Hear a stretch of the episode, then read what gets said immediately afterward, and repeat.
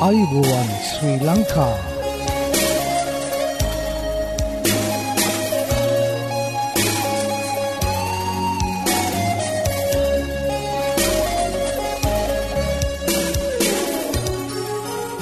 ඔබට සුපදස මේ Adventist World radio බලාපොරොත්වය හඬ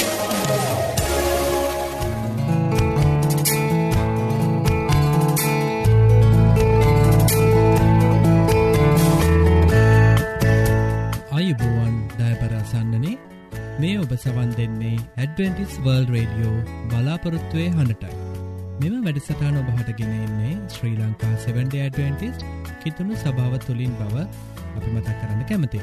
ඔබගේ ක්‍රස්ටයානි හා අධ්‍යාත්මික ජීවිතය ගොඩනගා ගැනීමට මෙම වැඩසටාන රුකුලක් වේයයි අපි සිතන.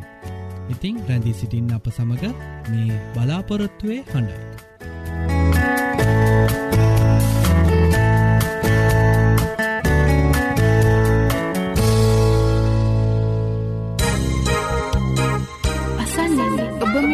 සිටින්නේ ඇඩවෙන්ටිස් වර්ල් රේඩියෝ බලාපොරොත්තුවය හඬ සමඟ.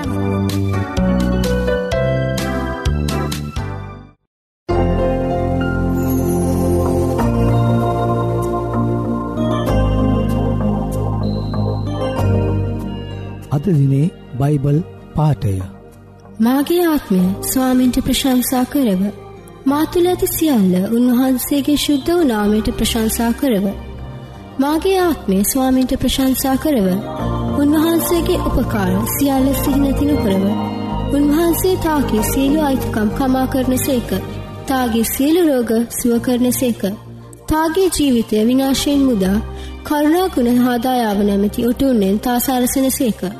ගීතාවලිය එකසිය තුනේ එකේ සිට හතර දක්වා.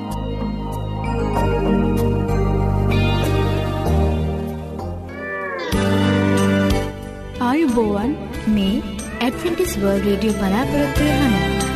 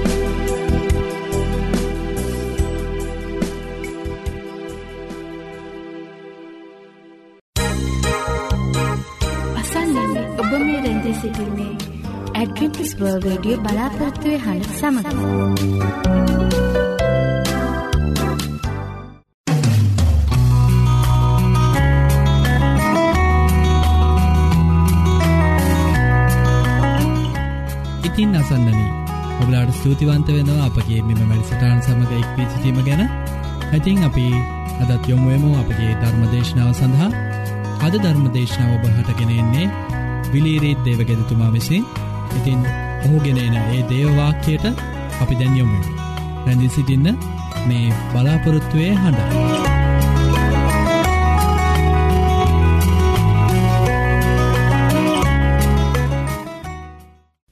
දෙමව්පියනී දරුවනි ජීවිතයේ නොෙක් ප්‍රශ්නවලට මැදිහත්වේ සිටින අසන්නෙන අද ඔබට ඉදිරිපත් කරන මාතෘකාව නිවසයේ සතුට යනුවෙන් මම තෝරාගෙන තිබෙනවා.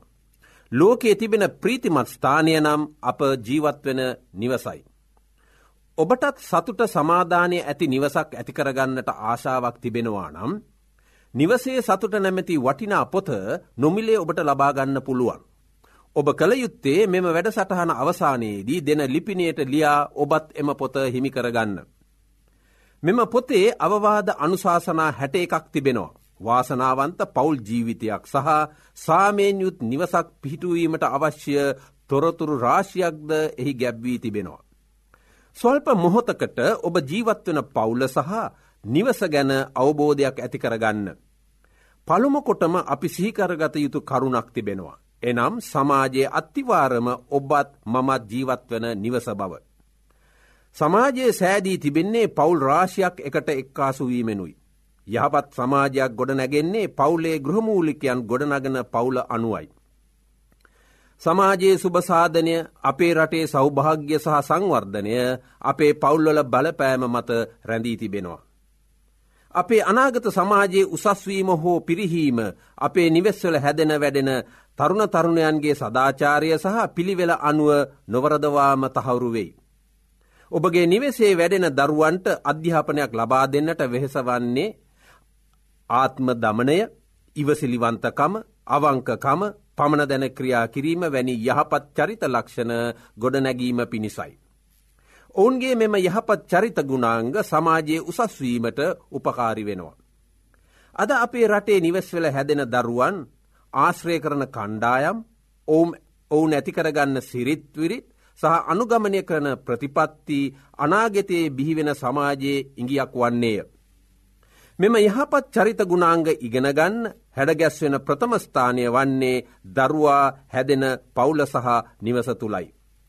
දෙමවපියන්ට සුද්ද බයිබලේ මෙසේ පවසා තිබෙනවා හිතෝපදේශ පොතේ විසිදවෙනි පරිච්චේදේ හයවෙනි වගන්තී.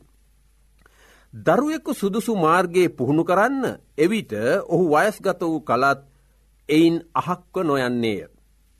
සමාජයේ වැඩෙන තරුණ තරුණියන්ටද සුද්ද බයිබලේ එක තිමෝති පොතේ හතරණි පරිච්චේදේ දොළොස්විනි පදේ මෙන්න මේ විදිහට පවසා තිබෙනවා. නුඹේ යෞවනකම සුළු කරන්ට කිසිවෙකුට ඉඩ නෑර කතාවෙනුත් හැසිරීමෙනුත් ප්‍රේමයනුත් ඇදහිල්ලෙනුත් පිරිසිදුකමෙනුත් අදහනන්ට නුඹම ආදර්ශයක් වන්න. මිහිපිට ඇති ස්වර්ගය ඔබ ජීවත්වන නිවස බව ඔබ දැනගත යුතු දෙවැනි කාරණය වෙනවා. ආදරය කරුණාව හික්මවීම වැනි ගුණාංග ඇති තැන ඔබගේ නිවසයි. පවුලේ එක් එක් කෙනාට දක්වන ආදරය කරුණාව මත පවුලේ සහ නිවසේ සතුට සමාධානය ඇතිවෙනවා. බොහෝදුරට පවුලේ සහ නිවසේ ඇති වාතාවරණය යහපත් හෝ අයහපත් තත්ත්වකට ගෙන එන්නේ දෙමව්පියන්ගේ පැත්ම අනුවයි. උදහරණයක් වශයෙන් අපි ගත්තොත්. දෙමව්පියන් දෙදෙනා අතර ඇතිවෙන මතබෙහෙද. එවැනි වාතාවරණයක් ඇතිවූ විට පවුලේ නිවසේ සිටින දරුවන්ද එම ආභාෂන් ඇති නෝනවා පමණක් නොව එවැනි දේවල්වලටද දරුවෝ සහභාගි වෙනවා. ඔබගේ නිවසේ පවුලේ යහපත් ගතිගුණවලින් සහ වචනවලින් සතුට සමාධානය ඇතිකරගන්නට වෑයම් කරන්න. ඔබ ස්වර්ගරාජ්‍යයේ සාන්තුරෙක් වෙන්නට නම් පළමුකොට ඔබ මිහිපිට සාන්තුරයෙක් වෙන්න අවශ්‍යයි. එවැන් යහපත් ජීවිතයකට පළවෙනි පියවර තබන්නේ ඔබගේ පවුල සහ ඔබ ජීවත්වෙන නිවස තුළ බව කරුණාවෙන් සලකන්න. අපේ ජීවිතයේ ඇතිකරගන්නා සුවිශේෂ චරිත ලක්ෂණ අනුවයි අපගේ අනාගතය හැඩගැස්සෙන්නේ. අපේ නරක චරිත ලක්ෂණ වෙනස් කිරීමට ඇති කාලය නම් අපි ජීවත්ව සිටින කාලයයි. කුණුකය දිරයි නාමය නොදිරයි. නාමයට ආවේනිකව ඇති චරිත ගුණාංග සුවිශේෂ චරිත ලක්ෂණ නොදිරායයි. එම රැස්කරගත් චරිත ලක්ෂණ අනුවයි විනිශ්චේදී සදාකාලික ජීවනය හෝ සදාකාලික මරණය හිමිවන්නේ.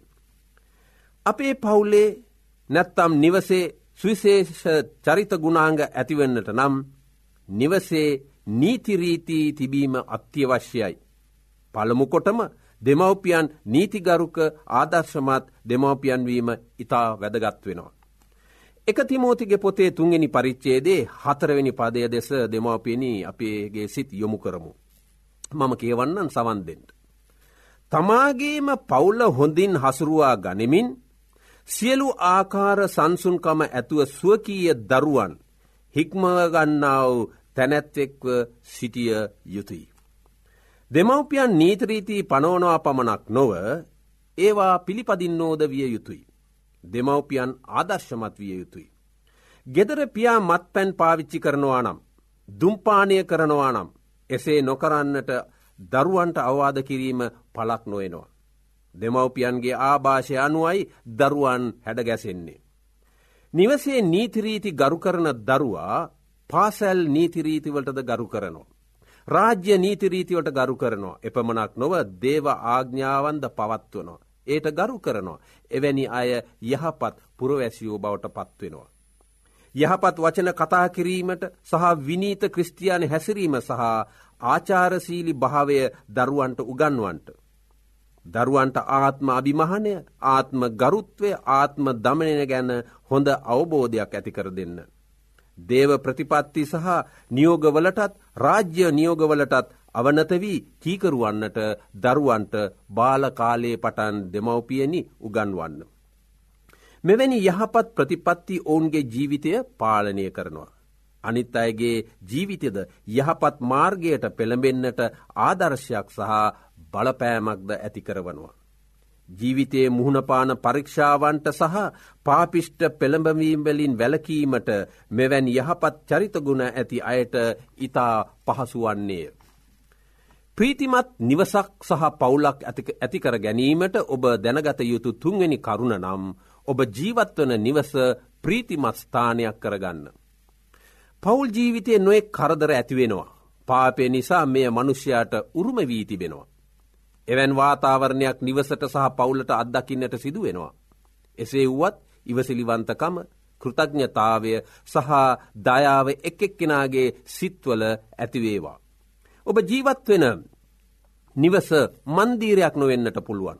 ඔබගේ නිවස සාමාන්‍ය නිවසක් වුවත් එය ඉතාමත් ප්‍රීතිමස්ථානයක් වෙනවා කතා කරන මු르දු වචන සහ දයාව නිසා එමෙන්ම එම ගෙදර සාමය සතුට ඇතිවෙනවා. නිවසේ සිටින දෙමවපියන්ගේ සහ දරුවන්ගේ හැදියාව ආකල්පය අනුවයි නිවසේ සතුට සහ අනිත් අයට අසතුටත් ගෙන දෙන්නේ. සුද්ද බයිබලේ එකොළොස්වනි ගීතාවලියේ මෙන්න මේ විදිහට පවසා තිබෙනවා පළවෙනි දෙවැනි සහතුන්ගෙන පදවල. මම කියවන්නම් සවන් දෙන්න. ස්වාමින් වහන්සේට ප්‍රසංසා කරන්න ස්වාමින් වහන්සේ කෙරෙහි බයවන්නාව උන්වහන්සේගේ ආග්ඥාවලට ඉතා ප්‍රියවන්නාව මනුෂ්‍යයා පිනතෙක්ය. ඔහුගේ වන්සය පොළොවෙහි බලවත් වන්නේය. අවන්කයන්ගේ පරම්පරාව ආශිර්වාද ලබන්නේය. සම්පත්ද වස්තුද ඔහුගේ ගෙයි ඇත්තාහ ඔහුගේ ධර්මිෂ්ඨකම සදාකල් පවත්වන්නේ. මෙන්න මෙයයි ඉතාමත්ම යහපත් පවුලකට දෙවියන් වහන්සේ දෙන්ට බලාපොරොත්වෙන ආශිරවාදයන්. ඔබත් කැමති දසන්නෙන එවැනි ආශිරවාද ලබාගන්නට. ඔබගේ නිවසේ තිබෙන නීතිරීති දරුවන්ට අනුගමනය කරන්නට උගන්වන විට ඉතා කරුණාවෙන් සහ ඉවසිලිවන්තකමින් එසේ කරන්න. කරුණාවන්තකමට දරුවන් අවනත වෙනවා. නිතරම දරුවන්ගේ යහපත් ක්‍රියා ගැන ඔවුන්ට පසසන්න. දුකේදී විපතේදී ඔවුන්ට පිහිටවන්න. වරදකට දඩුවම් කරන්නට සිදුවහොත් වරද්ද පෙන්වා තරවටු කරන්න. එවිට දඩුවම් කරන්න. ඔබ කෝපයෙන් සිටින විට කිසිම අවස්ථාකවත් ශාරීරික දඩුවම් නොකරන්න. නිතරම දරුවන්ට අවශ්‍ය දෑ සපයන්න. නිවසේ ප්‍රීතිමත් වාතාවරණයක් ඇති කරන්න. ළමයි සමඟ දෙමවපියෝ කාලය ගත කරන්න ඕන. ඔවුන් සමඟ සෙල්ලම් කරන්න අවශ්‍යයි. දෙමවපියන් සහ දරුවන් අතර ඒ ආහාරවේල ගන්නාව අවස්ථාවේදී සියලු දෙනාම කෑම මේසේ එකට වාඩිවී කෑම ගන්නවානං ඉතාමත්ම ප්‍රීතිදායක අවස්ථාවක් කෙනවා එම පවුලේ. දරුවන්ට අවවාද අනුශාසනා දෙනවා වගේම ඔවුන්ව දිරිගන්වන්ට ඔවුන්ගේ අනාගත අභිප්‍රහයන් සඳහා. ක්‍රස්තියානී නිවසක දෙමවපියන් අතර ඇති සම්බන්ධතාවය දෙවියන් වහන්සේගේ දේව වචනය අනුව පිහිටා ඇත්නම් එවිට එම නිවසේ සතුට සමාධානය ප්‍රීතිය දකින්නට හැකිවෙනවා. පවුලේ ආඥාවිතාමත්ම වැදගත් වෙනවා. දෙවියන් වහන්සේ තුළ ස්ථාපිතව ඇති ක්‍රස්තියානී පවුල වාසනාවන්ත පවුලක් වන්නේය. ඔබත් ක්‍රිස්තුස් වහන්සේ තුළ යහපත් පවුලක් නිවසක් ගොඩනගන්නට අධිෂ්ඨාන කරන්න. දෙවියන් වහන්සේ ඔබට ආශිරුවාද කරන සේක්වා. ප්‍රතිපත්ති හැටායක් හැට එකක් අඩංගු නිවසේ සතුට නම් පොත ඔබට අවශ්‍ය නම් නොමිලේ ලබාගන්ට කැමති නම් මෙම දේශනයෙන් පසු දෙන ලිපිනයට ලියා පිටපතක් ඔබත් ලබාගන්න. දෙවියන් වහන්සේ ඔබ සියලු දෙනාටම වාසනාවන්ත සතුට සෞභාග්‍ය ඇති පවුලක් ගොඩනගා අපේ සමාජයේද දියුණුකොට අපේ රට යහපත් රටක් කරගන්නට අපි අධිෂ්ඨාන කර ගනිමු අපි යාඥා කරමු. දයාවන්ත දෙවි සමිධානනී ඔබ වහන්සේ ස්ථාපිත කරපු ඒ පවුල් ජීවිතයට අපි ස්තුතිවන්ත වෙනවා. දෙමවපියන්ටද දරුවන්ටද ඔබ වහන්සේගේ කරුණාව ප්‍රේමය තුළ ඔවුන්ගේ ජීවිතද නිවෙස්ද පවුල්ද ගොඩනගන්නට ඔබ වහන්සේ උන්ට පිහිටවෙන්න. ස්වාමීනී දරුවන් යහපත් දරුවන් කරන්නට උගන්වන්නට දෙමවපියන්ට උවමනා කරන්නාව විශ්වාසයද ඇදහිල්ලද උදාකරදෙන්ට. අපගේ රටේ ජීවනාලිය වන තරුණ පරපුර දරු පරපුර ආරක්ෂා කරගන්නට ඔබ වහන්සේ දෙමව්පියන්ට ආශිරුවාද කරන්න. දෙමව්පියන් සහදරුවන් අතර ඇති ඒ අන්‍යෝන්‍ය ප්‍රේම සම්බන්ධකම ඒ වගේම තිබෙන්නාව දයාව කරුණාව විශ්වාසය තවත් තහවුරු කර දෙන්න දේව වචනය තුළින්. මේ සියල්ලක් මිල්ලමින් අපේ රටේ සියලුම පවුල්වලට ඔබහන්සේගේ ආශිරුවාද ලැබෙත්වා අපේ රටට අපේ සමාජයටත් ඔබ වහන්සේගේ ආශිරුවාද ලැබෙත්වා. මෙ සියල්ලක් මිල්ලන්නේ අපගේ ගැලවුම්කරු ස්වාමී වූ යේසුස් වහන්සේගෙනාමේ නිසාමය ආමෙන්. සත්‍යය ඔබ නිදස් කරන්නේ යසාය අටේ තිස්ස එක. මේ සත්‍ය සොයමින් ඔබ අද සිසිින්නේද. එසේ නම් ඔබට අපගේ සේවීම් පිදින නොමලි බයිබල් පාඩම් මාලාවට අදම ඇතුල්වන්. මෙන්න අපගේ ලිපිනය ඇඩවෙන්ටිස්වල් රේඩියෝ බලාපොරත්තුවේ හඬ තැපැල් පෙටිය නම සේපා කොළඹ දුන්න.